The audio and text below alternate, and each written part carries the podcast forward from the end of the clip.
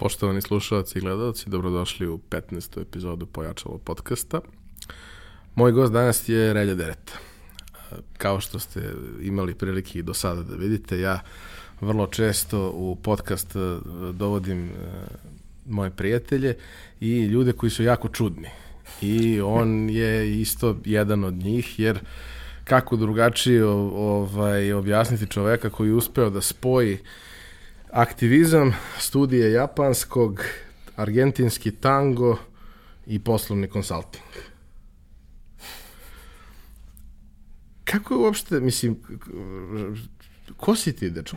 Kako, kako je uopšte sve počelo? Jer kao kad, kad uzmeš i pogledaš tako neke crtice iz tvoje biografije, to deluje kao da pričamo o četiri različite osobe koje međusobno ne komuniciraju, otprilike. Ovaj, a zapravo si ti to uspeo da spojiš u jednu vrlo prijatnu celinu. Um, od čega je mali Relja uh, krenuo, odnosno čime je mali Relja hteo da se bavi i bio mali? Prvo hvala što si me pozvao, ovo je bila baš dobra ideja. pa, e, mali Relja je sa 5-6 godina dobio kompjuter i u vrtiću kad su ga snimali i pitali čime želiš da se baviš, kompjuterima zašto divno mirišu. Bukvalno, volao sam taj novi miris i sve mi je bilo fascinantno oko kompjutera. I do neke 15. godine dok se nisam prvi put zaljubio, sam mislio da ću raditi samo s kompjuterima. I onda sam se zaljubio i shvatio želim da radim sa ljudima. Taj neki odlazak u London tada uh, i upoznavanje 50 ljudi na nekoj razmeni, koja je trajala par dana, to je na nekom takmičenju, mi je otvorilo tu lepotu susreta s nekim. Evo i ovo sad se zapravo se tek sad prisjećam toga tako da si me vratio skroz ono u, u, u, u, u ma, ono dok sam baš bio mali. Uh, I paralelno s tim, moji roditelji su dosta bili u aktivizmu i onda je aktivizam bio neka tema koja je u našem životu vrlo prisutna. Prosto meni je, to je vrlo zanimljivo što kaže na jednom blogu, uh, kada neko u porodici nešto radi, tebi je u startu to nekako dostupnije. Ti imaš ideju da i ti to možda možeš da radiš. I meni je bilo jako prirodno da već u osnovnoj školi smo nešto malo volontirali, pa u gimnaziji da se aktiviram više i zapravo u gimnaziji se pojavio đački parlament. E, moj najbolji prijatelj je to bio pokrenuo. Ja sam uh, počeo da radim u novinarskoj sekciji i to je bio neki moj prvi susret, to je moj prvi rad sa ljudima. To je bio zapravo prvi trenutak kad sam ja uspeo, iako sam stalno imao tu ideju, ja hoću nešto s nekim ljudima da radim. E, to je bio prvi trenutak. Iako zapravo nisam to uopšte umeo dobro da radim, iskreno. Ja sam... E, ja sam se vrlo trudio, ali sam osjećao da gubim dosta vremena na to, a me to nekako nije obeshrabrivalo. obeshrabrivalo e, zato što sam nalazio i veliko zadovoljstvo u tome da kada praviš ne znam da li si ti nekad bio u nekoj novinarskoj sekciji, ali mnogo pišeš, pa znaš šta je osjećaj. Ta, ta lepota kad zajedno neka ekipa nešto napravi i kad imaš 17-18 godina, to je prelep osjećaj. I onda i sve te nedelje i meseci koje gubiš neko vreme ne znajući uopšte šta radiš, na kraju nekako vrede. I mi smo kroz tu kroz đački parlament i kroz uh, uh, novinarsku sekciju osetili da imamo neke ideje, želimo nešto da kažemo i da pokažemo i da uradimo i mi kad to uradimo to ima neki efekat. Ta neka svirka koju napravimo skupi neke pare za, neke, za neku humanitarnu akciju, ta neka akcija odbrane nekog profesora zapravo urodi plodom.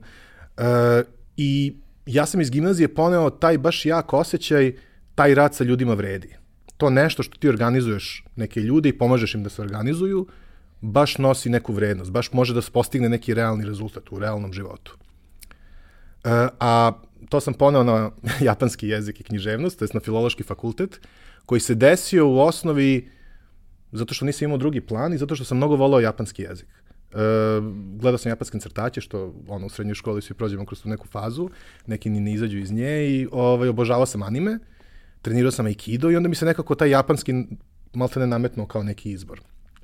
I nisam uopšte imao ideju šta ću da radim dalje s tim. Samo sam imao ideju, ja volim japanski, e, budući da Japanci drže katedru, sigurno je dobro organizovana, što je bilo vrlo naivno ove, s moje strane.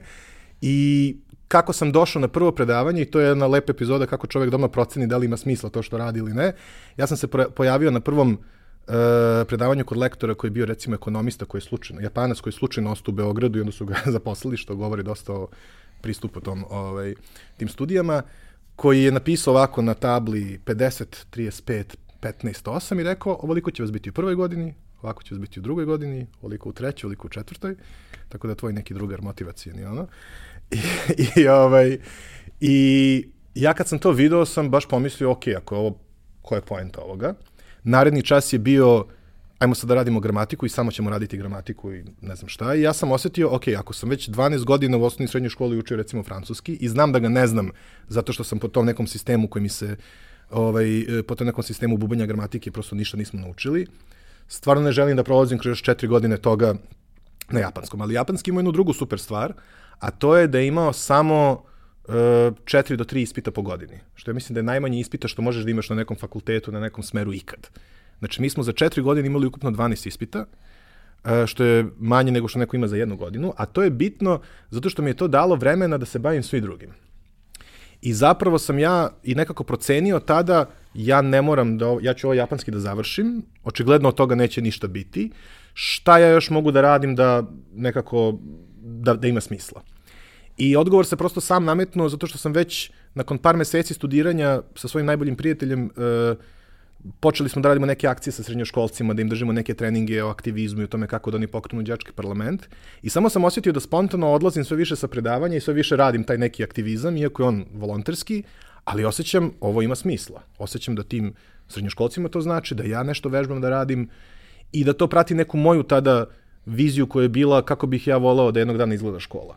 Jer moja ajde, to ćemo još pričati, ali meni jedna od vodilja je tada postala nakon toga hoću da radim s ljudima, hoću taj neki rad s ljudima da bude u obrazovanju na neki način. I moje pitanje je bilo kako bi ja volao da sam imao školu pre ono, osnovnu i srednju školu. Kako bi izgledali ti časovi, kako bi izgledali ti predmeti. I aktivizam mi se nametnuo, to jest aktivizam je bio nešto što sam osjećao da svako treba da prođe na neki način. I tako su se dešavale te neke akcije i to sve. Ta japanski je išao jer je morao da ide, prosto da se daju ti ispiti.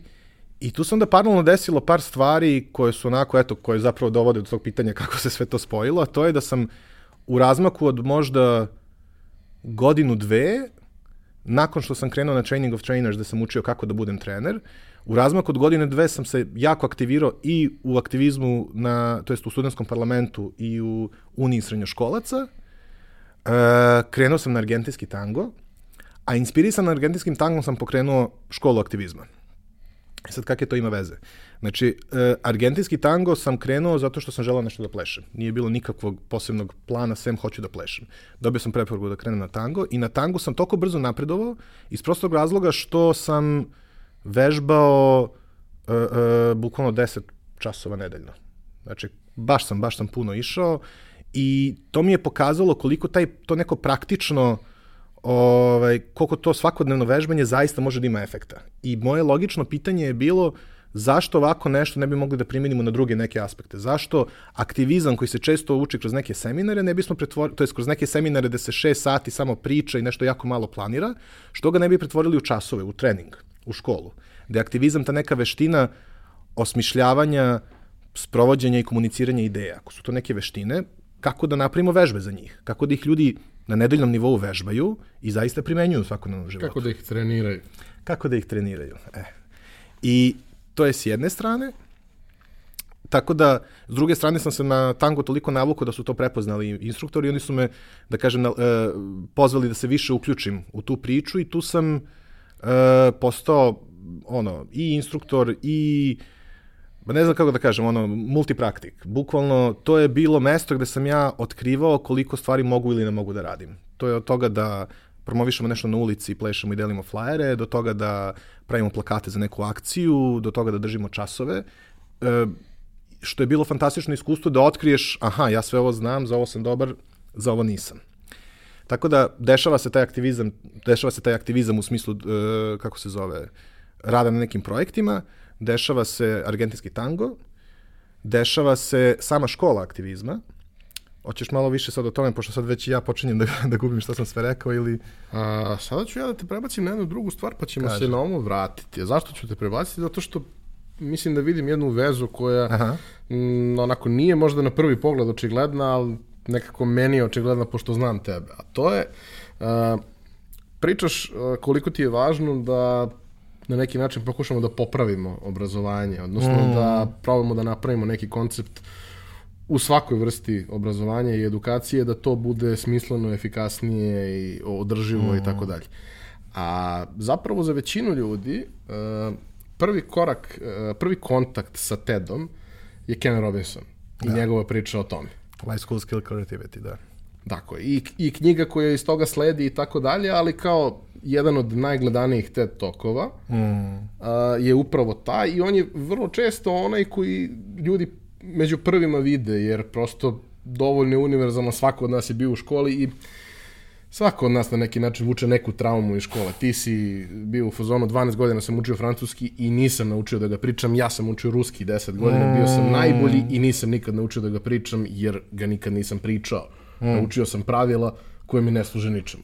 Engleski nisam možda naučio tako da. pravila, ali sam naučio konverzaciju i danas, zahvaljujući tome, mogu da lepo živim i zahvaljujući poznavanju tog jezika. A, TED, odnosno TEDx konkretno, mm. ima prilično važnu ulogu u svemu. To dolazi malo kasnije, mm. ali kako uopšte dolazi do toga? Mi smo se kroz to upoznali, da. ti si se sa gomilom nekih sjajnih ljudi upoznao i to ti otvorilo mnoga neka vrata. Kako si se ti uopšte upoznao sa, sa TED pričom?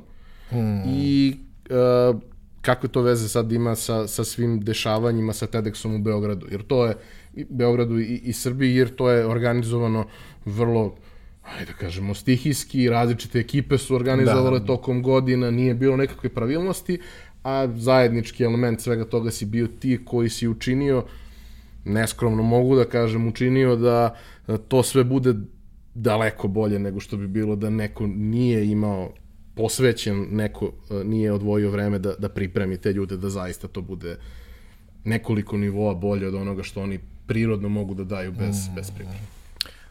Hvala na, na lepim rečima i e, pa TEDx sam inače otkrio baš preko tog govora Ken Robinsona koji je mama iskupala na internetu negde i šerovala u porodici pre nego što je bilo cool šerovati stvari i, ovaj, i mi smo se tada svi kolektivno navukli na TED, na TED Talks.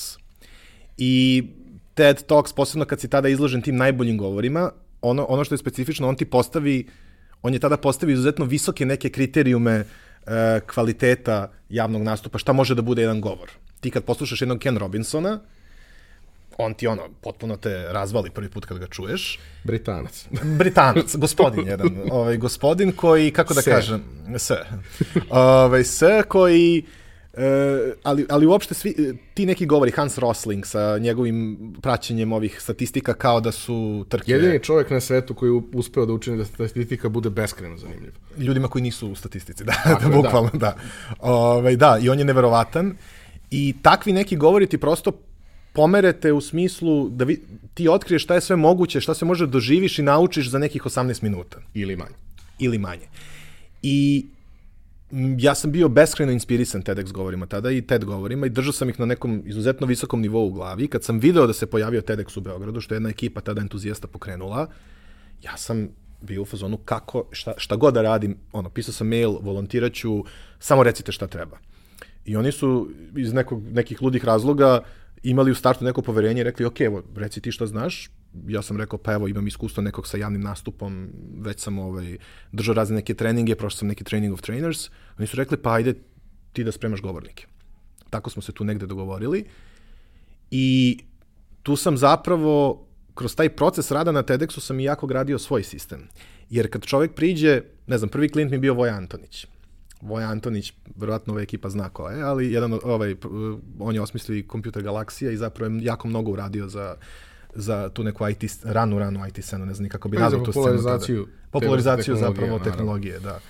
I, ovaj, I sad nam dolazi jedna takva ono živa legenda, uh, duplo stariji od mene tada koji imam 24-25 godina i ja treba njemu da pomognem da to on sve pametno što ima kaže nekako bolje. I ja kad sam video spisak tih ljudi, tih nekih imena, sam rekao ja nema šansa ovim ljudima sad ih nešto okupim i da im držim neki grupni trening. Ja moram jedan na jedan da sednem sa svakim od njih, da vrlo dobro razumem prvo šta je to njima bitno što hoće da kažu, da vidim kako su to planirali da kažu, pa da im možda neku sugestiju i tako sam ja, kako da kažem, ispoštovanja prema TED-u, prema tim ljudima, sam napravio jedan vrlo individualni pristup koji je za koji sam potpuno nisam ni postavljao pitanje što to radim volonterski, prosto to je ono što je trebalo da se desi da bi to bilo na nekom visokom nivou. I na taj način je u osnovi, ja mislim da su i ti ljudi, kad si rekao da su oni bili za nekoliko klasa bolji, da je to prosto što su i mnogi od njih prvi put prošli kroz neki tako intenzivni proces pripreme jednog govora. E, u smislu da su to, da je, ono, da ne kažem koliko smo se ti ja još gledali kad smo, kad smo pripremali tvoj govor, ali niko nije naviko da sad odjednom sedne na prvo jednu do dve konsultacije šta ti uopšte hoćeš da kažeš u smislu nekog koncepta, cilja, šta hoćeš da preneseš. Pa onda dva, tri susreta da ti zapravo definišeš šta čini celu tu strukturu. Pa onda posle to još vežbamo kako ćeš ti da se krećeš i to. Prosto ljudi nisu bili sprovedeni kroz to.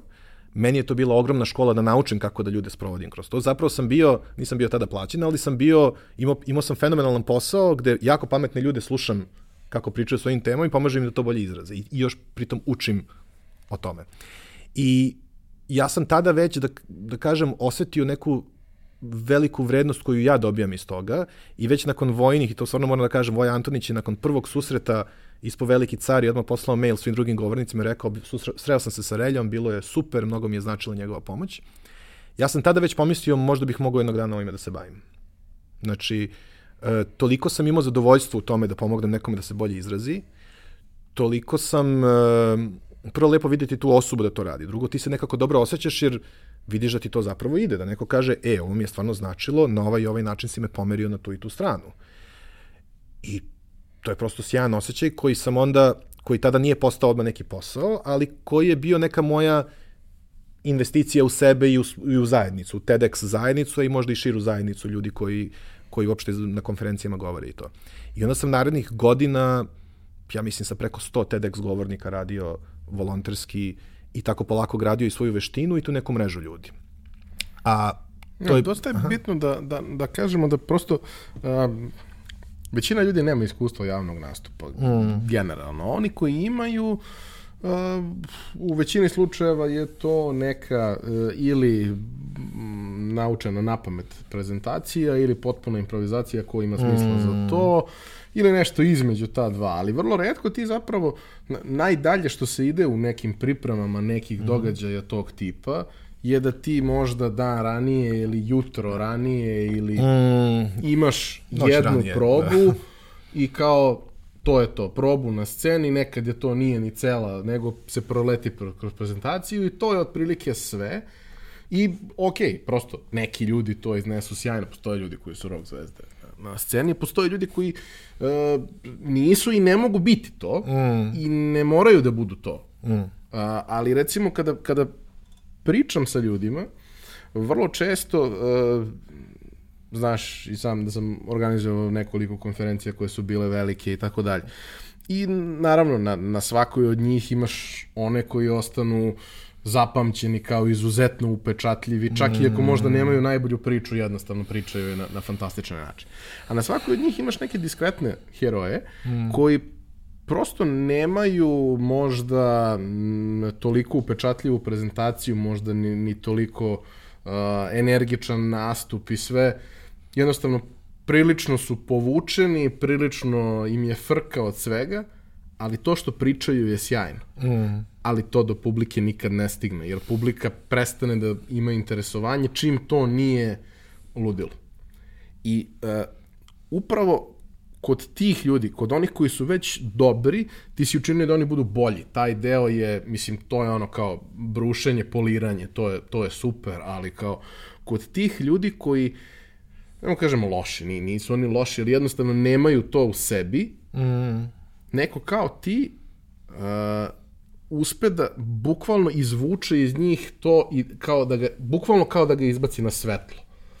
I to pravi razliku puta pet u mm. kvalitetu. Ovde ti popraviš nekoga 5% i to je wow, i to je razlika između srebrne i zlatne medalje ili da, tako da, nešto.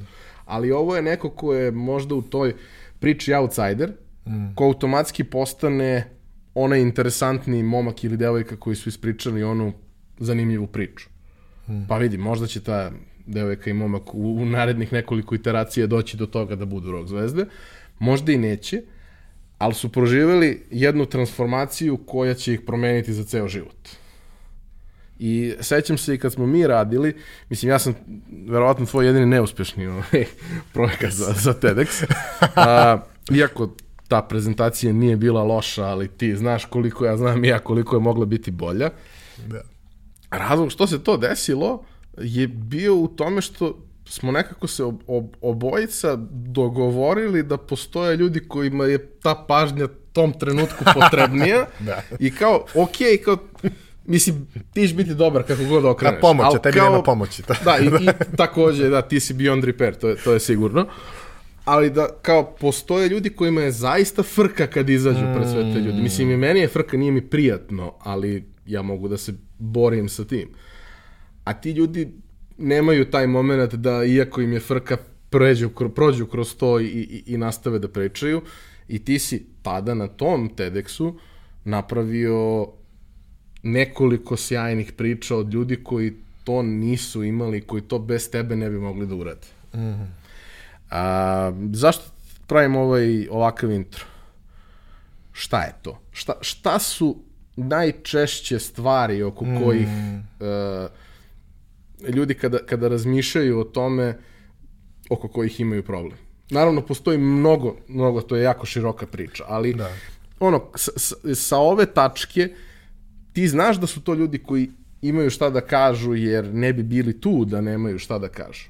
Ali šta su njihovi problemi i šta je e, problem njihove vizure u tom konkretnom slučaju? Uh, glavni problem koji bih, ono, od svih stvari koje možemo da kažemo, ali problem iz kojeg potiču svi drugi problemi, ovaj, ili velika većina njih, je ideja da ti kad izađeš na neku binu, ti odgovaraš na tabli. Znači, ljudi tu uđu u mod kao da ih je profesor prozvao i da oni sad treba da odgovaraju. I to odmah generiše niz problema. Prvo, zvuče kao da drže prezentaciju. E, dragi svi, danas želim da vam pričam o tome i tome. Pričat ću ovim tonom. Ovim tonom kad pričam, svi ćete da pomrete za 15 minuta od smora. Znači, prvo je to taj ton. E, drugo, oni onda i strukturiraju svoju priču sa idejom moram da kažem sve. Jer ja odgovar, neko mene sluša, ja imam, ne znam, 150 informacija koje mislim da su bitne, kao za ocenu. Ja moram sve da ih reprodukujem, moram sve da ih kažem. I pišu ih malo onda, malo ih pripremio kao Wikipedia kao bukvalno kao evo sad ću ovaj uvod, pa su ovo neke ključne tačke. E, zatim, e, kada pripremaju samu tu prezentaciju, problem je taj naziv prezentacija, jer se on je, postoje sinoniman između samog nastupa i PowerPoint prezentacije. I zapravo je veliku grešku koju prave, ono što si spomenuo dan pre, zapravo najčešće i noć pre, oni sednu i prvi put da zaista pripremaju svoju, svoj nastup se dešava pred PowerPointom, pred uh, bukvalno PowerPoint templateom gde kreću da ređaju slajdove. I ti slajdovi koji treba njima da budu pomoćno sredstvo, postane zapravo neki njihov prostor za planiranje i onda se oni jako vežu za to što stavljaju tu i misle ja moram sad sve ovo da kažem. Iako sve ovo nisam rekao, to nije dobro. Najgori scenarij je kad stave na PowerPoint sve što moraju da kažu. Bukvalno. To, to je to, strašno. to, je, to je, da. To je, Ali to je često. Jeste. Jeste zato što, zato što je to nastalo ne sa idejom, ono što se sve tada dešava je da ti ne ideš sa idejom ja, neko treba ovo da čuje, nego šta ja treba da kažem. A prvo pitanje treba da bude ko su ti ljudi koji tu dolaze, koja su neka njihova očekivanja, predrasude, šta god, predznanje ili odsustvo znanja, budući da imam, ne znam, 15 minuta, 10 minuta, 20 minuta i znam sve neke stvari, šta ja mislim da ja mogu i treba da postignem za to neko vreme? Šta je ono što zapravo mogu da kažem? A ne kako da kažem sve što sam od uvek mislio da treba reći da bi neko imao celu sliku, jer ti onda sebi stavljaš taj pritisak, ja moram da dobijem peticu, ja moram sve da kažem, takođe, onda ne smem da napravim ni da zastanem, da napravim pauzu. Ili ako napravim grešku u rečenici, Tako je. to je katastrofa. To, e, pravim, znači, napravio sam grešku, aj oj, a, a, blokada. E, stao sam. Evo, ovakvu pauzu, ovoliku pauzu od ono dve sekunde, tri, ljudi imaju ogroman problem da naprave i onda rade, uh, um, a ta pauza je prostor za razmišljanje. Ti moraš da razmišljaš tokom uh, svoje priče. Valjalo bi. A, nije loše. Nije loše. Preporučuje se. Ona 8 out of 10 doctors ono, preporučuju.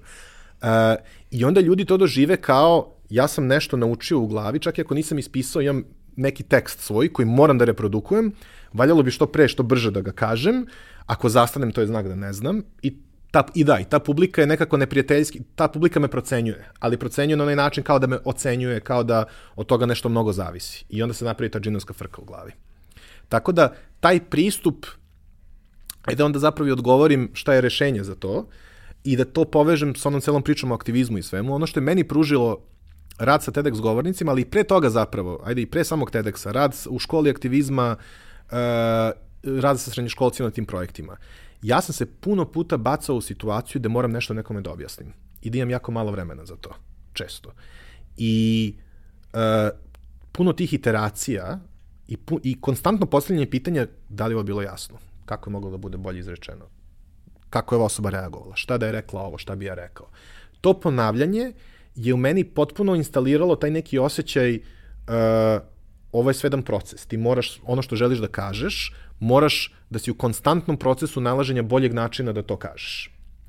A ljudi u načelu, i da, ono što je bitno reći, taj proces se ne dešava samo u tvojoj glavi, on se dešava u realnom svetu da ti to govoriš nekom i neko reaguje na to. Većina ljudi tek kad sedne da priprema prezentaciju, to je jedan od redkih trenutaka gde su oni seli da e, zapravo nekako konkretnije razmisle o tome što pričaju, u smislu da nemaju puno prilika da to komuniciraju i da, da, da radite neke iteracije, da unapređuju to što pričaju. I ono što ja donesem onda za ta, u, u tom susretu i kako zapravo dođemo do tog nečega je, e, i to je možda sad i dobar trenutak da sprovedemo ljude kroz taj sistem koji mogu i sami da primenjuju, je da prvo razbijemo taj trip ti držiš, e, ti si u školi i odgovaraš na tabli. Znači, i najbolja priča gubi mnogo svoje snage kad dođeš sa idejom ja ovo moram da ispričam i to mora nekako da u bude. grču. U grču. Taj grč momentalno blokira osobu da generiše bilo, da, da stvori bilo kakvu dobru ideju kreativno, nego to moram da kažem neki uvod, to mora da ide ovako, ovako i ovako. I odmah sebi naprave neki template koji uopšte možda, koji je možda ok u nekim slučajevima, ali ako ti to jedina ideja za template, to nije dobro. Znači, prvo sedemo i kažemo stani ajde da vidimo šta je to tvoja tema, šta ti uopšte hoćeš da kažeš. Zašto misliš da je to bitno da se kaže? Šta se možemo da izbacimo? Ako bi bilo samo minut, dva, ako bi se vremenski ograničio, što je ono najbitnije što bi rekao? To je inače jedna super vežba. Ako se ljudi ograniče na minut da pričaju i posle sebi daju još minut, to je ono duplo više vremena, nakon toga ti 15 minuta deluje previše. Ali ajde pričat ću o tim nekim vežbama. Ne, kao u ljubavnom slučaju Budimira Trajkovića, ljubavni život Budimira Trajkovića. Ne, ja, ja imam tu teoriju da je elevator pitch nastao nakon tog filma, jer on vežba u filmu sa drugarom, ko, čiji glas da. je Dragan Nikolić, to je potpuno genijalno.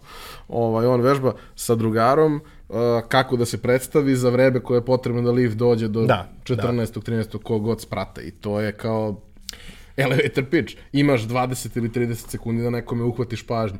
Što, mislim, možemo mm -hmm. da mhm. pričamo o javnom nastupu gde si ti ograničen na 15 minuta, ali u svoj komunikaciji posebno u video formi komunikacije koja sad postoji na internetu, ti imaš 10 sekundi da nekom uhvatiš pažnju. Bukvalno. Nije bitno šta si rekao 50 sekund, niko nije došao odatle.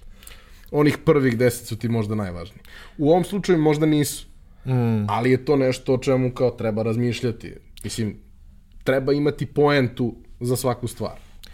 Da, i treba biti okej okay da ćeš puno puta mašiti poentu. Da, će, da je nalaženje te poente proces da niko ne očekuje da ti sedneš i iz tebe samo ispadne bogom dana savršena formulacija koja to će se nekad desiti i budi zahvalan bogovima ili što god veruješ što se to desilo i nastavi dalje. To će se nekad desiti i sam sebe ćeš da obušeš. Bukvalno i kao ušto je ovo dobro. Ali realno to je mnogo više jedan proces potrage. I ta prezentacija koju sutra držiš je jedna u nizu potencijalnih prezentacija koje ćeš držati i naredna će biti bolja. I onda je okej okay da ova ne bude savršena. U tom smislu, uh, taj elevator pitch, iako je sjajna stvar zato što kratko traje, traje minut, imaš priliku puno puta da ga probaš. Možeš puno da imaš pokušaja, možeš da menjaš početak, sredinu, kraj, možeš da vidiš kako različite verzije zvuče. Što to vežbanje naglas i to recimo snimanje sebe i praćenje sebe E, je, ne, je jedna od glavnih stvari kako čovjek može generalno da unapredi svoj nastup. Prosto, Evo jedna stvar, kaže, kaže. Uh, i sećat ću te, jer nema, nema veze sa time, ali ima veze sa, sa time na jedan malo drugačiji način. Mm. Uh, moj javni nastup je generalno ok. I u principu ja se trudim da od svega napravim stand-up i da ljudima to bude da, da. pre svega zanimljivo. Ako im je zanimljivo, pokupit će neku poentu i odneće mm. neku poentu sa sobom. I Pre nekoliko godina sam prošao uh, iz nekog, da kažemo, uh, nekog ličnog interesovanja, jer to rade ljudi koje izuzetno poštujemo, koji su mi prijatelji. Mm. Prošao sam obuku za uh, sportskog komentatora. Mm. I ta obuka je bila dosta dobra. Uh, vrlo lepo urađena. Ljudi koji su je vodili su zaista možda i najkvalitetniji ljudi koji to rade kod nas. Uh, ceo proces je bio prilično interesantan i uopšte nas nije pripremio za trenutak kad dođemo da radimo probni snimak. Mm. I iako su uh, Gojko, Viško i kad svoj deo uradili fantastično, ja sam došao na probni snimak, probao dva puta da krenem u prenos i odustao i, i otišao. A znaš da nisam neko ko odustaje. Da. Ali jednostavno nisam mogao da uradim apsolutno ništa da probijem uh, barijeru koja se pojavila. I to ne zato što mi je frka, nego zato što zaista ne znam šta da radim i kako da radim. A zašto? A, jedna od stvari koju su nam naglasili, koja svakako ima smisla, naročito kada si dugo u tome, je da kada otvaraš prenos ti radiš najavu, daješ neke osnovne informacije, pozdravljaš i tako dalje. I njihova preporuka je bila da je jako važno da najavu ne napišeš. Jer otvaraš prenos i ako kreneš u tu priču i kreneš da čitaš, koliko god ti dobro to čitao, vidi se da to nije prirodno. Oseti Jasno. se, čuje se da, da to nije prirodno. Ne vidi se, ali se čuje. E, ima jedan drugi problem. To što ja imam odličan javni nastup ne znači da se ja dobro osjećam u kabini, jer u kabini mm. a, ti nemaš feedback nikakav. Ti si ludak koji priča u crnu kutiju. I a, kad mi se desilo to sve što mi se desilo kad sam odustao i bio prilično razočaran povodom svega jer kao znam da to znam da radim, znam da poznajem materiju, siguran sam da to mogu dobro da radim i oni su mi rekli da su sigurni da mogu to dobro da radim i failovao mm. sam.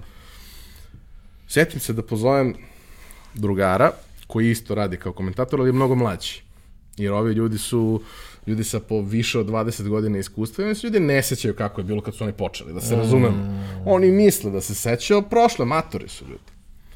Pozovem ja Bakija koji je, koji je dosta mlađi i koji je to relativno skoro sve prošao i kažem, izvini, brate, možemo sednemo na kafu da ti se iskukam, da vidimo šta će da bude. I on mi kaže, a, dobro, a što nisi napisao uvod? Pa reko, rekli su mi da ne pišem uvod nikako. Dobro, u redu, rekli su ti i kad budeš radio stoti prenos, nemoj da ga napišeš jer će znati sve što treba da kažeš i sve će ti doći prirodno. Mm. Ali neće na prvom. Napiši uvod. Napiši uvod, pročitaj ga sebi nekoliko puta na glas da. i onda probaj.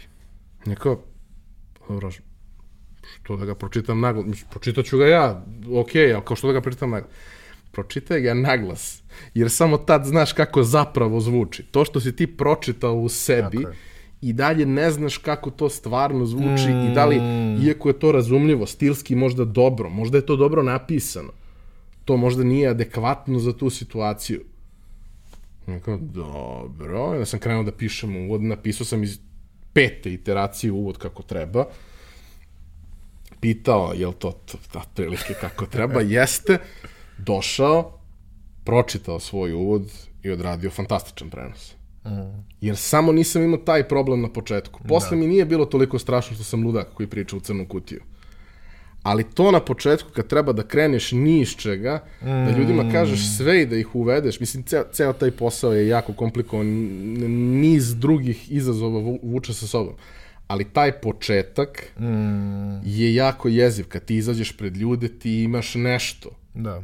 A ovde nemaš, ti sediš, gledaš u monitor i pričaš u, u, u crnu kutiju, kao što sam već nekoliko puta rekao, ali bukvalno tako. Mm. Najdalje što može ti se desiti da te u nekom trenutku ljudi iz režije pitaju ili hoćeš vode. Nema nikakve druge interakcije, da. nema ničega. Ne, ne čuješ ništa, ne, nemaš, moraš da izgradiš osjećaj za hiljadu i jednu stvar, a nemaš povratnu informaciju koja je toliko, toliko važna. I mislim, x puta se dešavalo, uh, ono, izađeš pred publiku koja je jako zahtevna i šta god da kažeš, kako god da kažeš, nemaš nikakvu povratnu informaciju. Mm. To jeste ono, moment kada će se izbodeš na sceni. da. Ali kad je to stoti put da pričaš, prevazišao si negde, negde to da. sve. Ali ovde nikad nemaš feedback. Ovo je uvek najteža publika na svetu. Wow, da. da. Uh, pa ne znam šta bih dodao, sem što bih se složio da je to jako izazovno zvuči. Nisam nikad probao. Uh, već mi ovo moram da kažem, evo kao neku paralelu, meni je koji, nemam nikakav problem isto da me baciš pred 100.000 ljudi da nešto pričam. Ova forma gde pričamo sat i po vremena, nestrukturirano, e, tebi kojeg znam, pa mi je neobično što ti pričam stvari koje već na neki način znaš, nekoj publici koja se nadam se da će to da razume nekako, sam shvatio koliko je meni stvorilo pritisak da to mora nekako da zvuči, da moram kroz nešto da prođem.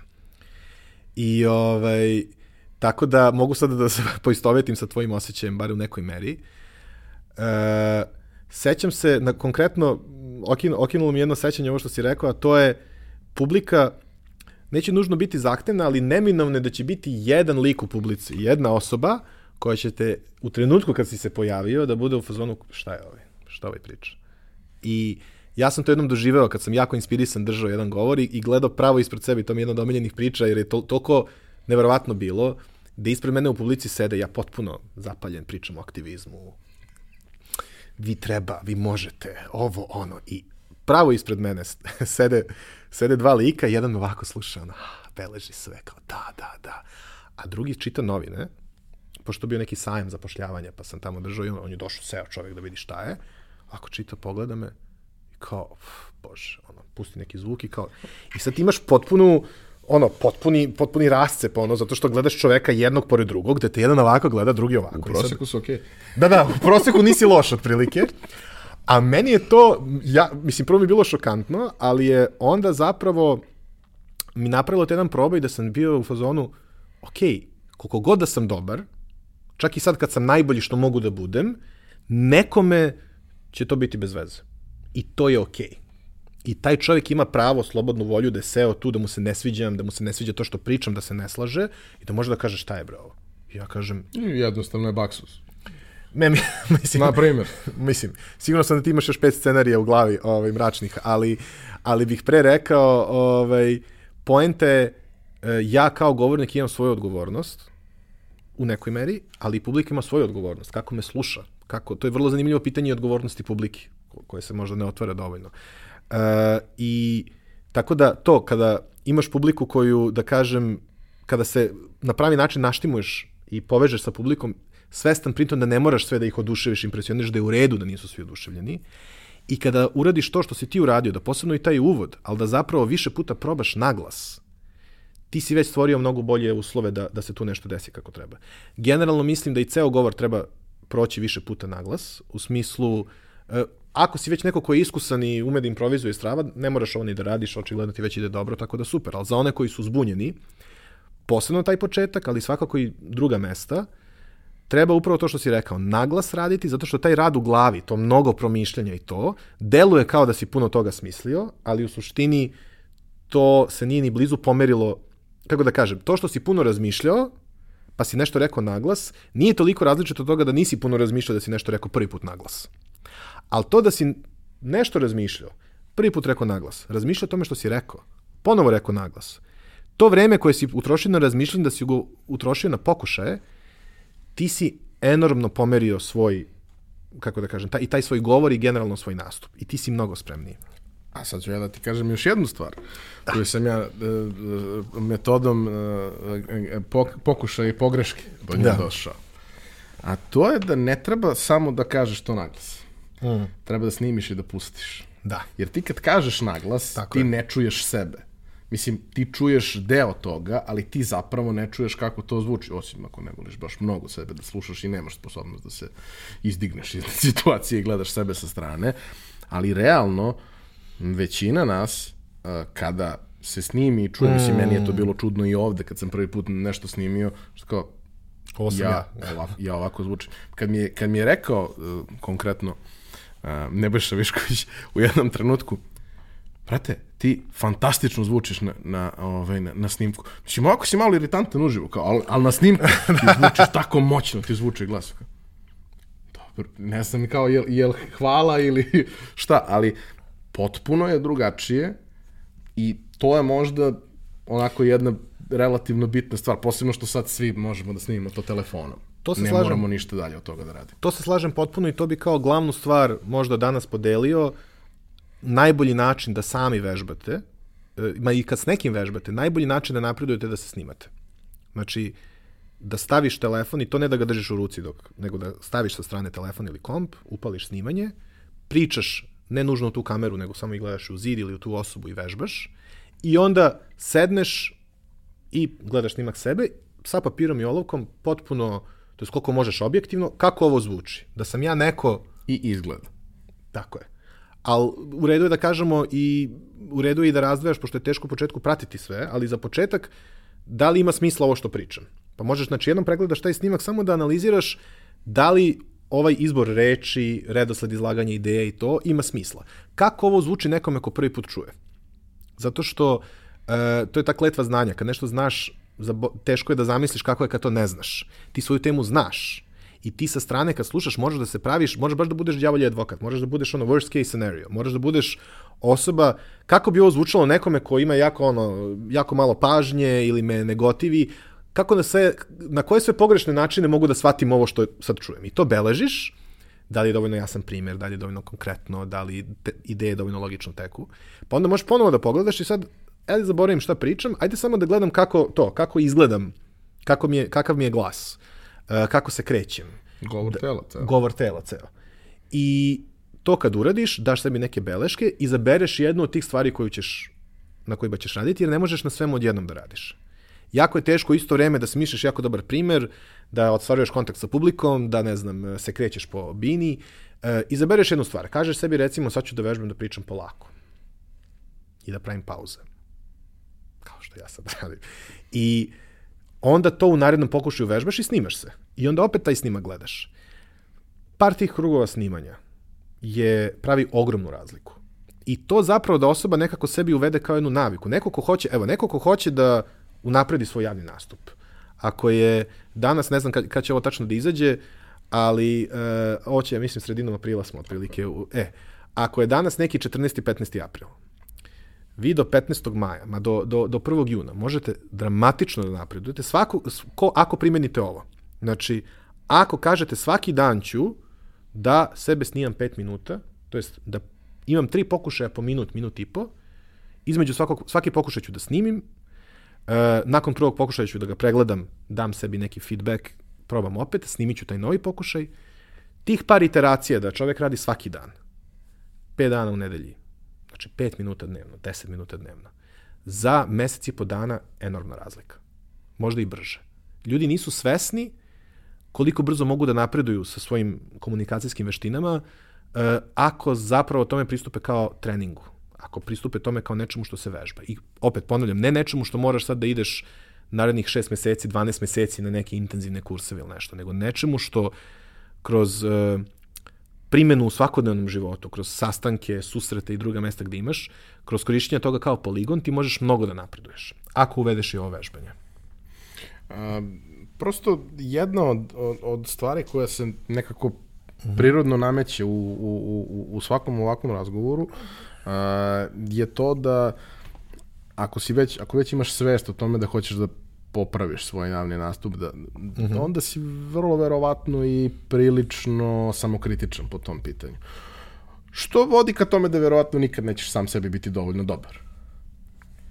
Ali prosto, upravo ako imaš iteracije kako je to išlo, u svakom trenutku možeš da vidiš gde si bio pre da. mesec dana i da vidiš koliko si ti drastično bolji. Da, možda nećeš biti srđan Erceg nikad, ali nije lako biti srđan Erceg. Ni njemu. ovaj, uh, I to, uh, uh, mislim, uh, uzimam srđan, mnogo ljudi iz sport kluba će biti u, u ovom podcastu, što je čudno. Ovaj, ali uh, uzmemo srđana kao primer, srđan mm. je taj, srđan je rock zvezda. Ali ti ako uzmeš da preterano analiziraš svaki njegov nastup i sve, znači da izgleda kao da ima šizofreniju. Što da. nije isključeno da, da je tačno. Ali to je on. On je oko toga napravio magiju i on je od toga napravio sve. To ne znači da ti treba da budeš takav. Mm. Niti da možeš da budeš takav. Mm. Niti da imaš priču o tome kako si upoznao Valentina Rosija. To je prosto ono, drugačije. Ali to ne znači da priču koju imaš mm. ne možeš da ispričaš na, na neuporedivo bolji način. Uh, jedna da. stvar, recimo, ko, koju ja volim da primenjujem kada pričam o temi koju, koju nisam ranije pričao. Mm. Za razliku od većine ove, kolega i prijatelja koji, ja kažemo, redovno nastupaju, oni manje više pričaju slične stvari stalno. Ja dosta različitih stvari pričam. Mm. I okej, okay, imam neke stvari koje pričam često i one jesu bolje iz iteracije u iteraciju, ali zapravo dosta različitih stvari pričam. Mm. Što onda znači da dosta različitih stvari i pripremam. Mm. Ono čime se ja vodim, a opet e, imam tu negde sposobnost da možda improvizujem bolje nego većina ljudi, je to da ja se trudim da uh, kada pravim strukturu toga sebi izvučem ključne poente, a da ono između njih ispričam kao što bih pričao prijatelju u kafani ili kao što bih pričao mm. nekome ko mi je blizak na ne, nekim jezikom koji je jednostavan i razumljiv. A, vrlo često a, kada pričam sa ljudima i ti si se negde na početku dotakao toga, verovatno je i ovakav background deo toga, ljudi uzmu i napišu sastav. Ja, da. Ljudi uzmu i napišu sastav u kome je sve ono što su hteli da kažu, da. nauče ga na pamet i upravo imaju sve te momente neke koje, koje si ti pominjao ovaj, da to bude ro robotizovano blago ili ne blago. Ovaj, a da možda nije poenta u tome da kada praviš to imaš sve, mm. nego da imaš sve bitne stvari. Ja verujem u stavke. Da. Kao isto, nešto kroz isto. šta se prolazi. Ako pričamo o nastupu koji uz sebe vodi nekakvu prezentaciju, PowerPoint, nešto što postoji mm. iza, u mom slučaju na tom PowerPointu će biti slike, jedna reč ili možda kratka rečenica koje su poenta, a ja ću oko toga izgraditi priču. Mm. Zašto to kažem? Ne zato što mislim da je to jedino dobro rešenje koje postoji, ali mi deluje da je tako nešto možda put koji je za veći broj ljudi moguć kao, kao, kao scenariju. Da svako kada ima ključnu poentu mm. u tom delu govora, može oko toga da formira kratku priču. Ali da formirati ogromnu priču koja sadrži sve to je jezivo teško. Tako je i super si to pomirio, to da uh, ipak iz neke odgovornosti kad nastupaš ti imaš neke, valja da se i nešto poentira i ti imaš neke poente, neke ključne tačke, ali to treba i autentično iskomunicirati. Ti onda to pleteš oko tih ključnih tačaka sa svojim nekim prirodnim tonom. Kako da zvučim kao da sedim na kafi i opušteno pričam, ali ipak malo strukturirano. Malo više strukturirano. I... Kako, da sedim, kako da zvučim kao da mi je frka na kafi. ovaj, I baš to, neki razvoj, šta je zapravo izazovno kod ovoga što ti kažeš uh, kad neko napiše ceo sastav.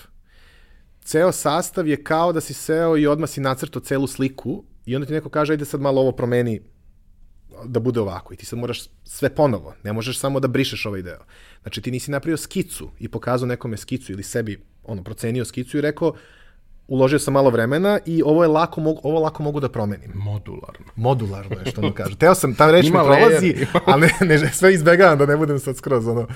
Ali E, ali upravo to, teze su modularne. Teze, ako ti se ne sviđaju, možeš odmah da izbrišeš, možeš da je prebaciš negde drugde.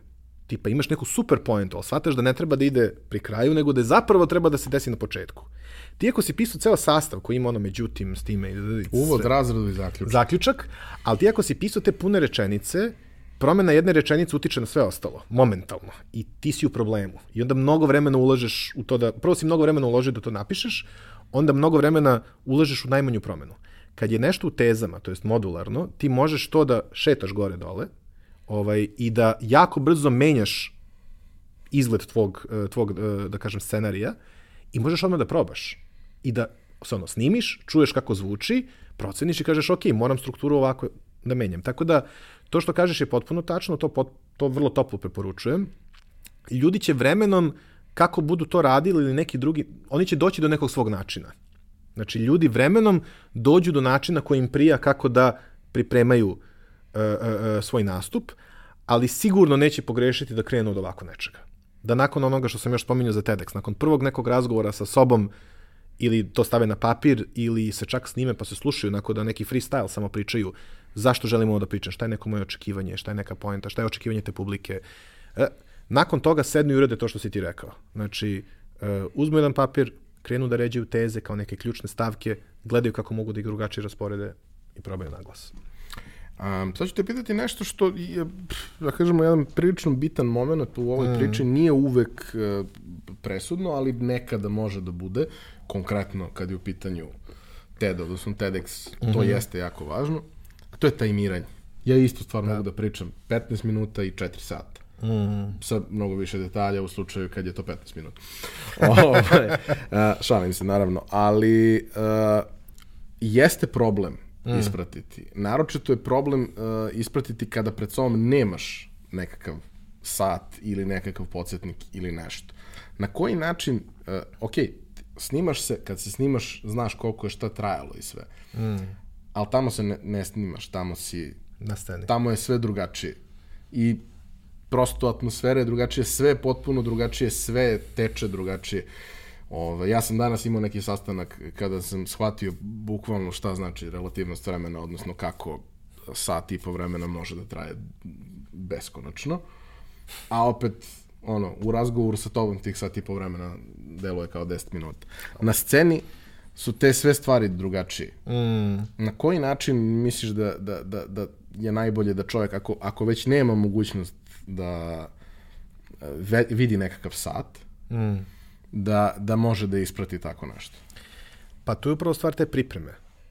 Ako si ako freestyluješ, ti onda, zna, to znači da zapravo imaš, ako ćeš da improvizuješ, ti onda imaš i generalno dobar osjećaj koliko to traje, možda imaš neki sat pa bacaš pogled, ali... E, Mislim, možeš da imaš i nekog u publici pa da ti kaže. To možeš, možeš i da tražiš od, od, od organizatora da stave tablet ili nešto da ti okrenu ili da ti signaliziraju to.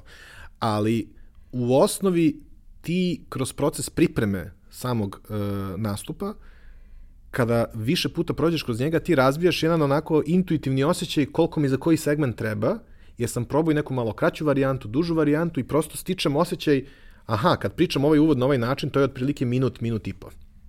Znaš, otprilike koliko ti vremena treba za Tako koju je. količinu Tako prič. je. Ti razviješ jedan osjećaj i ono što je jako bitno, ako si dobio 25 minuta, uh, tebi nije cilj da pričaš 24, 57, ono, tačno 25 minuta i sad da se brinem da to ubodem. Mnogo je bolje da sebe ograničiš još više, da kažeš sebi imam 20 minuta, imam 18 minuta. Magičnih 18 minuta. Magičnih 18 minuta. Pripremam se za 18 minuta i onda dam sebi lufta da to lagano ispričam ti onda nemaš problem sa vremenom. Jer problem s vremenom, s time da nemam dovoljno vremena ili kako da se pratim, nastaje od ideje da ja svo to vreme moram da iskoristim, da bi valjalo što više, što brže da kažem. I tu si prosto u jednom stanje u kojem si kada tako razmišljaš i pričaš, nije, nije dobro za nastup. To te čini nervoznim, čini te ono, moram ovo da deliverujem, moram da ispričam, to mora da bude ne znam kako. Ako si se u tom nekoj prvoj fazi malo orijentisu, ok, zapravo želim da kažem samo to i to u toliko i toliko vremena. Ako si onda seo i napravio neku strukturu i vežba više puta, ako si dao sebi kod te pripreme manje vremena nego što ćeš imati na finalnom događaju, ti si u osnovi miran. Ti si razvio dobar osjećaj koliko traje ovaj, tvoja priča i ti si stvorio sebi prostor i za razmišljanje, i za malu digresiju, i u slučaju da negde želiš malo više da pričaš, možeš to da uradiš bez bojazni da ćeš da ugroziš celo tvoje vreme. Um, jedna od stvari o, o, od koje smo krenuli, a to mm -hmm. je TED i TED govori, jedna od stvari koja je vrlo karakteristična za TED, mislim, postoji i postoji govore koje se bave strukturama da, da, da. TED govora, mislim i knjiga. Ovaj, ali jedna od stvari je zapravo da tu postoje jako kompleksne teme mm. koje su objašnjene na vrlo jednostavan način kroz poente i ne bez ulaženja u previše detalja. Ako te zanima, mm. ti ćeš uzeti dodatni materijal za čitanje ali ovo ne služi za to. Ovo služi da ti približi nešto što je na izgled komplikovano, da te zainteresuje, da ti da smernice, mm. pa ti onda dalje sa tim možeš kako god. Ako te nije previše zainteresovan, nije te ni opteretilo. Mm. Dalo ti je nekakvu vrednost.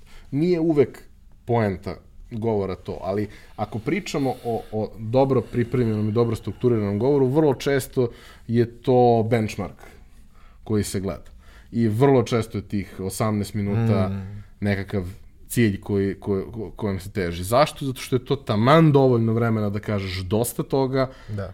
a da nekoga ne, ne, ne ubiješ u pojam, da mu ne oduzmeš previše i vremena i energije i, i svega ostalo. Mislim, TED govori postoji u kraćim formatima. Da, po bukvalno Ali i, i neki od njih su potpuno genijalni, Mm. Ali ovo je nešto gde možeš i prilično kompleksnu temu, ako je ogoliš i svedeš na suštinu, da ispričaš jako lepo. Mm. E, vrlo je teško, doteko si se toga, kako zapravo pojednostaviti nešto što je, čega si integralni deo, gde si unutra i tebi je sve važno. Super pitanje. Uh, za početak bih preporučio knjigu Made to Stick.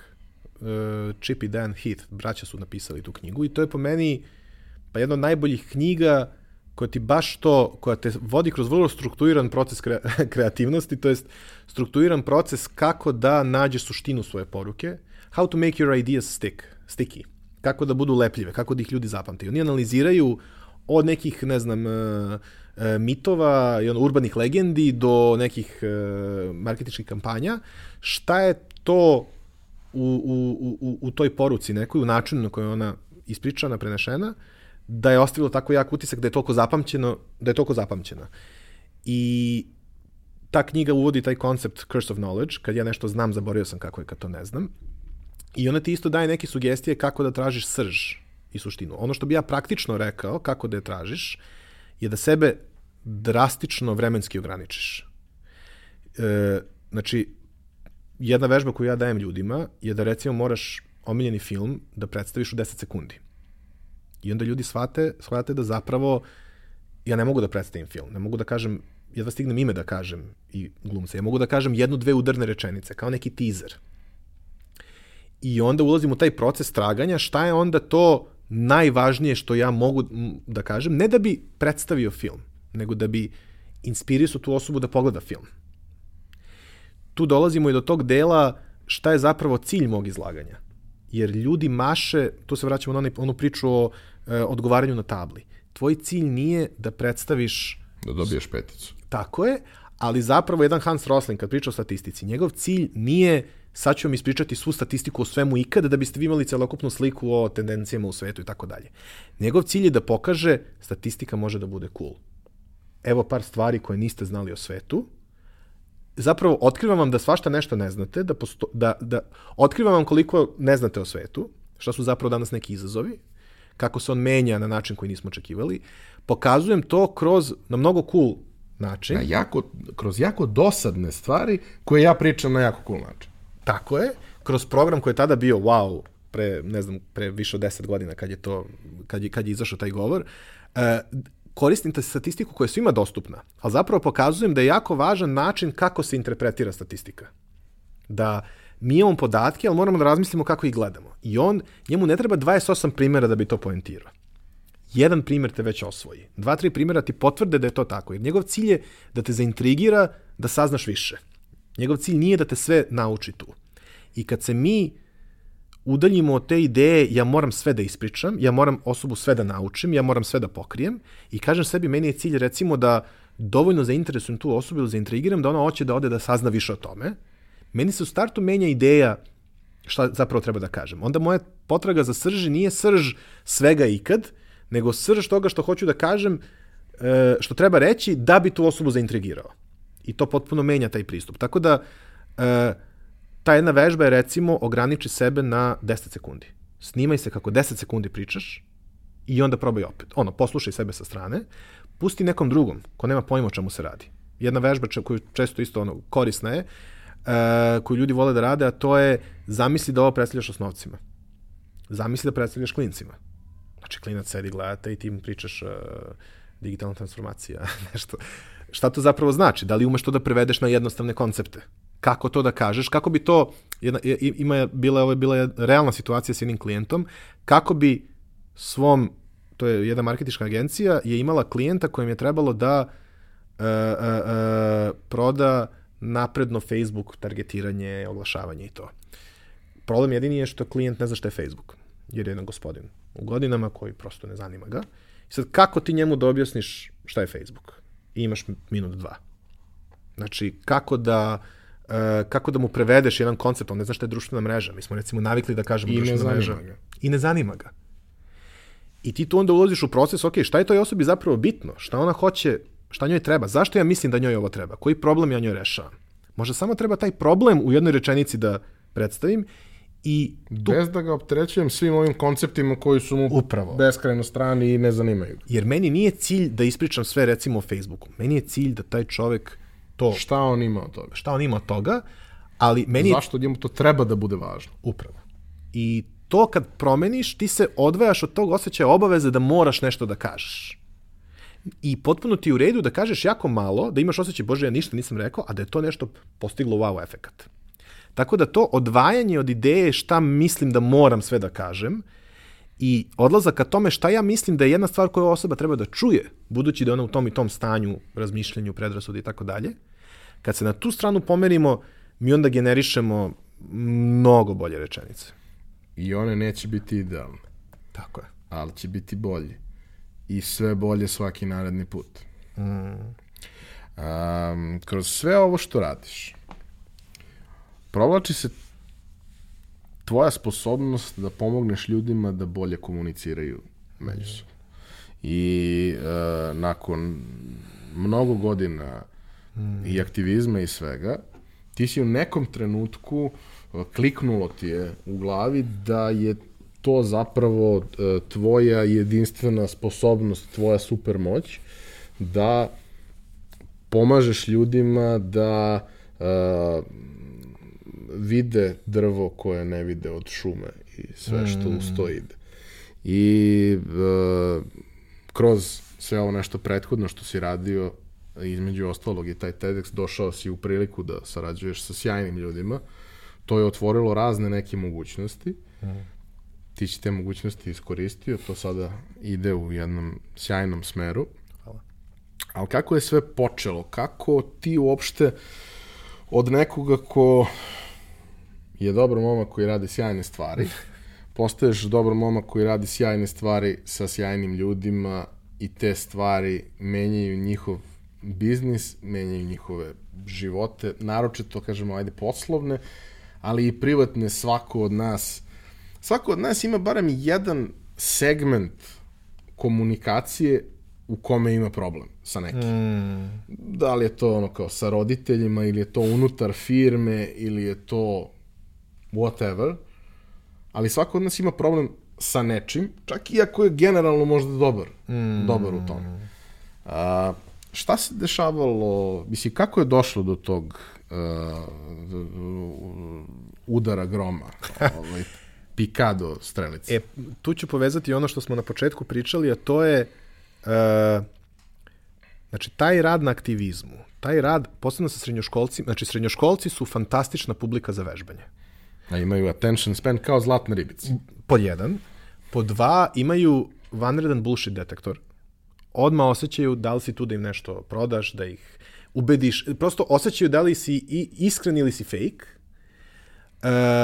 Generalno ne veruju, mnogi od njih ne veruju da išta može da se promeni, da bude bolje. O, Dobro. Minić approves. Ovaj, ali e, oni su fantastični da tražiš mnoge načine kako da nekome dočaraš e, e, e, na, na bolji, lepši i efektniji način nešto što misliš da oni treba da znaju. Tako da sam tu imao mnogo pokušaja da to radim. I zapravo sam mnogo razmišljao šta to čini jedan projekat. U radu sa njima, gledao sam kako oni vide te projekte, kako oni vide te delove slagalice ja sam stalno vrteo te delove slagalice u glavi, pretumbavao ih, tražio neke druge oblike, sa željom da im približim, da im napravim to toliko lako da oni samo treba malo nešto da urade da se to Ali okrene. upravo mislim da je taj moment nešto što, što je poenta. Kako mm. neko ko ne želi da se iscima ni oko čega, da motivišeš da se iscima baš oko toga.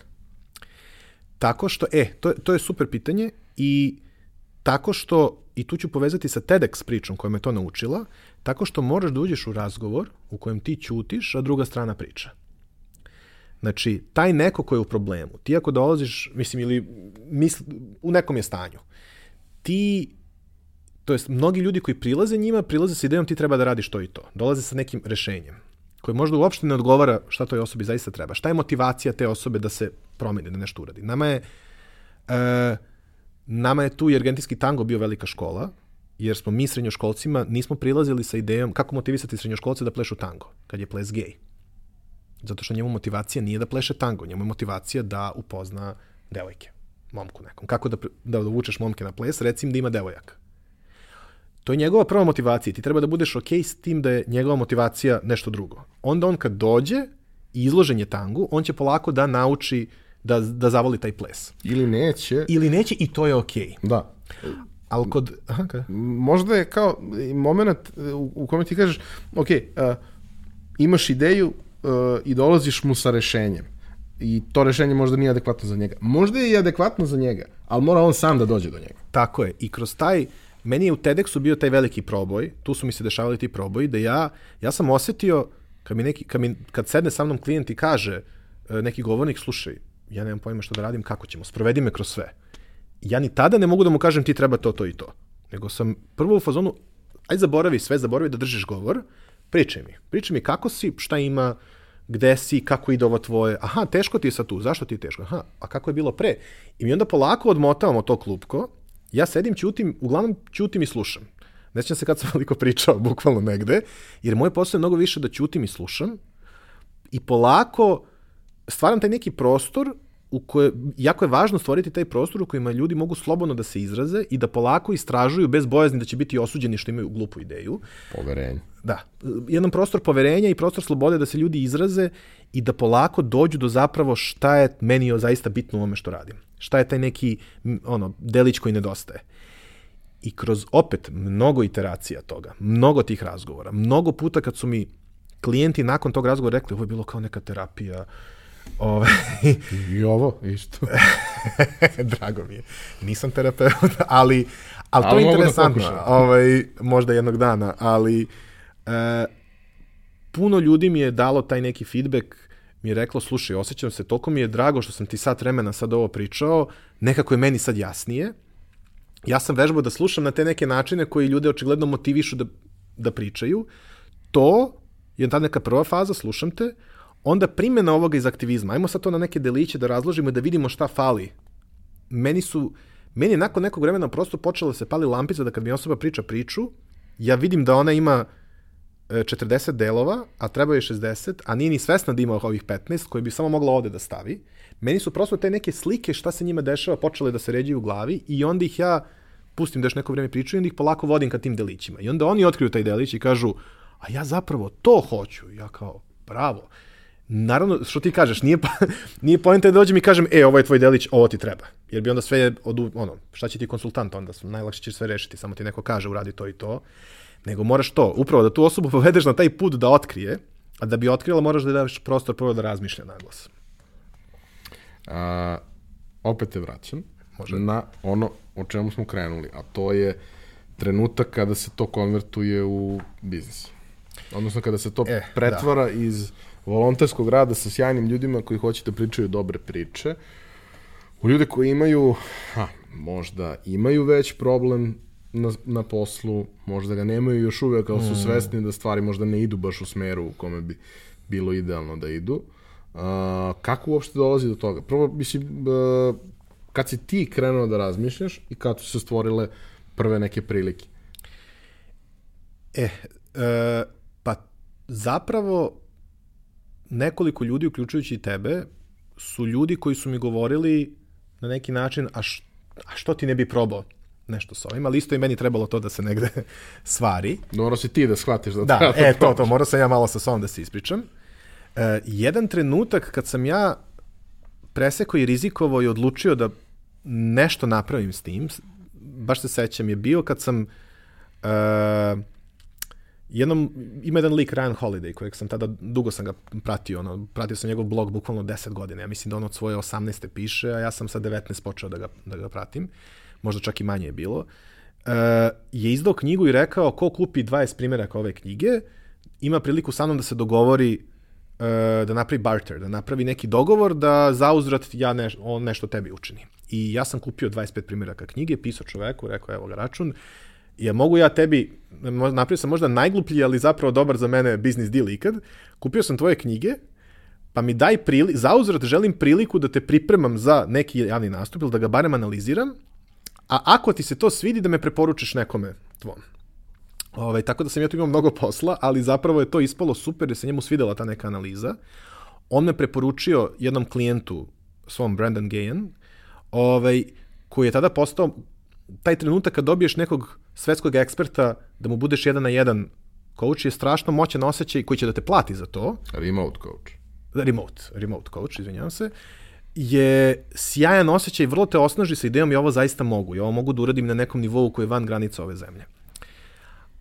Ali, pored toga što je bio jedan veliki podstrek, e, dobio sam te podstreke od tebe i od drugih ljudi koji su nekako rekli, je ti to možeš. I ja sam jedan, jedan dan se baš sećam, sam postavio pitanje e, ono, kosmosu, je li ja mogu stvarno da živim od ovoga? Šta bi bilo da ja probam? Da li bi imao dovoljno para, dovoljno posla? Taj dan su se javila tri klijenta, koja su paralelno, svaki od njih je rekao, e, trebaš mi za prezentacijske veštine, znam da radiš tango full time, ali treba mi part time. I ja sam bio u fazonu, ne gledam to sad nešto kosmički, ne znam šta, nije bila poenta što su došli ti pozivi, poenta da sam ja postavio pravo pitanje pre toga. Da sam se ja zapitao nešto, zbog čega je to što su me ljudi zvali u tom trenutku i meni dalo neki drugačiji odgovor. Nisam samo sebi rekao, ma to je neka slučajnost, nego da li možeš da imaš bolji uh, da kažem, uh, bolji feedback dokaz, od ono, života. feedback od života, bolji dokaz nego da u jednom danu dobiješ tri poziva. Šta, za, šta, tebe, šta uopšte za tebe zna, može da znači ta izvesnost? Da li možeš ikada da imaš zaista? Ovo, ovo je najbolje što ćeš dobiti što se tiče potvrde da to možeš da radiš. Ali uh, u trenutku kad sam presekao i kad sam dve, 2015.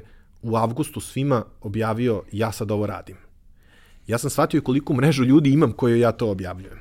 Jer onda deset godina unazad, đački parlament, škola aktivizma, gde sam sa stotinama mladih radio, uglavnom volonterski kasnije za neke sitne pare. E, Tango Natural, gde sam de, opet držao časove stotinama ljudi koji su me tu negde upoznali.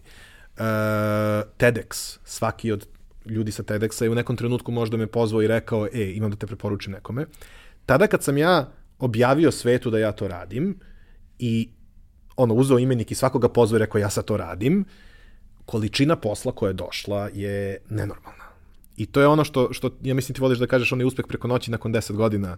Ovaj, to je bukvalno bilo, znači ja sam imao 29 godina kad sam to uradio, da, 2015. Uh, ali sa tih 29 godina ja sam imao 10 godina svakodnevnog cimanja rada sa ljudima i to, koje se tada materializovalo u zapravo i nekoj mojoj konkretnoj veštini koju mogu da, da, da, da prodam i u klijentima koji su već u fazonu, pa gde si ti, ajmo da radimo. Gomila tog ugljenika se pretvorila u dijamant. Može. Pod dovoljno pritiska potvorila u dijamant. A, kada si prvi put pokušao da objasniš šta je to što ti radiš, to je bilo jako teško, jer to, mislim, Još to ne možeš da objasniti. Ovaj, ali si ti napravio jednu onako prilično uh, meni dragu definiciju i naziv mm. toga šta je to što ti zapravo radiš. Pa, ajde podeli to sa nam šta je to što ti zapravo radiš i šta stoji iza toga. Jel to misliš ono thinking assistant ili? Da. Ja, bože, da, pa uh, taj, to me drug tako zezao, ja, bože, naš, naš thinking assistant, ono kao, to su ove new age definicije, ali to sam, to je jedna od titula koje kao koristim, čak je više ni ne koristim aktivno, ali mi je dosta godina je bila neki najbolji način da iskomuniciram šta to radim, a to je, ta titula je nastala iz toga što su me bukvalno ljudi zvali e, i govorili treba mi tvoja pomoć da razmislim o nečemu. I platit ću te. I ja kao, dobro. I onda se to ponavljalo. Ja sam bio u fazonu, ja sam ko neki asistent za razmišljanje, thinking assistant. To mi je dovoljno nekako bilo onako interesantno i to ne da ga izgovaram naglas, baš ne volim naglas da izgovaram, nego da stavim na vizit kartu i, i da ne dam odmah nekome da vidi, nego da pričam, ta osoba stekne neki utisak od meni i onda kad vidi to kaže, aha, vidiš, to je zapravo. Znao sam da je čudan. da, da, da, evo na koji način je čudan. I to što ja onda radim je zapravo da pomažem ljudima da bolje razumeju uh, i svoj posao gde im se nalazi, možda i da se oni nalaze, mrzim ovde da koristim izraz life coach, nisam life coach, jako ne volim taj izraz, jer biti ekspert za život je ono, ta titulu, kako da kažem. Jako... Generalno razumeti život, ne biti ekspert, da, da, da, nego kamo, razumeti na bazičnom Ono, šta se ovde dođevalo događa je već ono kao veliki uspeh. Ali, eto, to je neki sposobnost da, ono što ja radim je da dajem neku drugu perspektivu ljudima. Ljudi dolaze sa nekom svojom situacijom, oni je pričaju, ja kao što kažem slušam, I onda sagledavam iz nekog ugla koji onda, i ono što je bitno, pretvaram u nešto vrlo operativno. Pretvaramo ga u neku vrlo konkretnu strategiju komunikacije s nekim ovaj, vežbama, koracima i tako dalje. Pretvaramo u neki projekat koji opet iz tog iskustva aktivizma im pomažem da bude vrlo jasno e, rašlanjen u neke korake koji su vrlo konkretni, gde ta osoba zna šta da radi. Moj je neki posao da vrlo prepoznam to što si ti rekao, gde se ta osoba nalazi na tom putu, samo spoznaje ono, koliko je daleko ili blizu u tom trenutku, a, znam šta da radim. Neko misli da je jako blizu, a zapravo mu treba još mnogo koraka. I, ajde da kažem, moj posao je da prepoznam gde se ta osoba nalazi i da je pomognem da osmisli taj neki plan šta dalje, šta dalje da radi. Pritom, kažem, to možda nije ni primarna stvar koju radim, ono, ako bih morao da se vratim na nešto što primarno radim, je i ono, ako bih bio taj neki kao ekvivalent obućara, što je neki moj craft, neka moja ono, veština, to je da kada neko ima govor za mesec dana, za koji treba da se spremi, on dolazi kod mene i kaže pomagaj. Pomagaj mi da smislim šta hoću uopšte da kažem, da onda kako to da kažem. Ko sam ja to. uopšte? Da. šta, kuda sve ovo ide? Za kraj bih volao da, da napravimo jednu uh, dve stvari, ajde, dve stvari oko koja bih izvukao point. Prva stvar je, uh, pričali smo o komunikaciji, pričali smo o javnom nastupu. Ljudi vrlo hmm. često javni nastup uh, poistovećuju sa tim, izađeš pred 500 ljudi i pričaš nešto. Hmm. A, mislim, iako to javni nastup jeste to, hmm. javni nastup nije samo to, odnosno veština javnog nastupa i ono što učiš, vežbaš i usavršavaš, uh, ima mnogo dalekosežnije efekte na, mm. na, na tvoj profesionalni i lični život, nego što je ta prilika da izađeš pred 500 ljudi da pričaš, jer ne dešava se baš preterano često. Ali svaki dan imaš neke interakcije sa nekim ljudima u kojima možeš da budeš bolji. Mm. A, šta, kako bi ti pokušao da, da, da objasniš razvoj tih veština koje su, koje su deo, deo te priče? Ok je, da, jedna stvar je sedimo, pripremamo te za nešto konkretno, gde pričaš konkretnu priču i sve. Nemam konkretnu priču, ali imam problem sa, sa svim tim. Na čemu radim? Hmm. Pa prvo, prvo radim na tome da shvatim šta mi je problem. Znači, ono što je generalno super uvek prvi korak je da skeniram trenutnu realnost. Ne gde ja mislim da hoću da budem ili nešto, nego gde se ja sad nalazim. Kako konkretno izgleda taj moj problem teško mi je da se, da, da ne znam, da u nekoj situaciji kad pričam, definišem, da, da, uh, ono, puno brzo pričam ili teško mi je da nađem poentu. Uh, svaki put kad imam telefonski razgovor, tu se blokiram. Znači, prvo na papir staviš crno na belo šta je trenutna realnost, šta je moja situacija, šta je dobro, šta nije dobro. Ne volim ljudi. Ne volim, eh. ne volim ljudi. Rešit ćemo, ne brini. Ovaj, ali, uh, ali prvo da kažem, skeniram trenutni, ono, trenutnu realnost i onda gledam s druge strane, probam onda da definišem i kuda hoću da idem, ali zapravo i prepoznajem sve neke prilike u svakodnevnom životu koje nisu samo taj famozni javni nastup, to je taj, što kažeš, nastup pred nekih 500 ljudi, koji su sve to neki trenuci u toku dana gde ja komuniciram. Profesionalno i lično. Ljudi E, ja zato sve više govorim da radim komunikacijske veštine, jer upravo to prezentacijske veštine je nezahvalan e, naziv ili prezentacijone veštine, kako ih još zovu. Nezahvalno je zato što podrazumeva tu neku prezentaciju u smislu stojim i onako ex katedra pričam nekoj velikoj grupi ljudi sa verovatno nekim powerpointom iza sebe. Ja bih rekao da je nastup svaki trenutak da ti komuniciraš nešto s nekim. I tako to kad posmatraš, svaki tvoj sastanak u toku dana, svaki telefonski poziv, e, susret u hodniku sa kolegom, sve su neke tačke gde se dešava neki mali nastup i samim tim e, svaki od tih tačaka je mesto gde možeš da vežbaš. Samo da sebi... I svaka od tih tačaka je mesto gde možeš biti bolji. Tako Vrlo je. verovatno Tako možeš je. biti bolji. I tu bi baš rekao da ljudi kažu nemam problem s javnim nastupom, ali nam su nam sastanci recimo ljudi, ono, često neki klijenti kažu imamo problem da vodimo sastanke jer a ja sastanak stavljam u istu kategoriju. To je neki, neka grupa ljudi koja se srela da nešto iskomunicira i da nešto dogovori. Da li si se na pravi način pripremio? Koje je tvoje očekivanje od sastanka? Da li si pozvao ljude koji treba da dođu? Da li si rekao ljudima koji ne treba da dođu da ne moraju da budu tu i tako dalje? Da li si pripremio šta je zapravo ono o čemu treba da pričate? Tako je. Da li kad ste shvatili da ste završili za 15 minuta, možete da se raziđete i ne morate da se pravite da taj sastanak ima vrednost jer traje sat vremena. Znači, samo da samo da za početak sagledamo, kako da kažem, da stavimo samo na papir sve te situacije koje imamo i te neke tačke kako možemo da napredujemo u njima, uh, ti ćeš pre ili kasnije doći do nekog plana i ti ćeš napraviti neki konkretan pomak. Ono što hoću za kraj da, uh -huh. da, da učiniš uh, je da, da uh, pojasniš, ne, ne je da pojasniš jednu, uh, jednu stvar koja, gde, gde ljudi vrlo često imaju uh, mm. zabludu, a to je uh, uh, upravo razlika između predavanja, radionice, treninga. Razlika mm. uh, strukturno, organizaciono, a mnogo više šta je razlika u vrednosti koju neko nosi sa toga.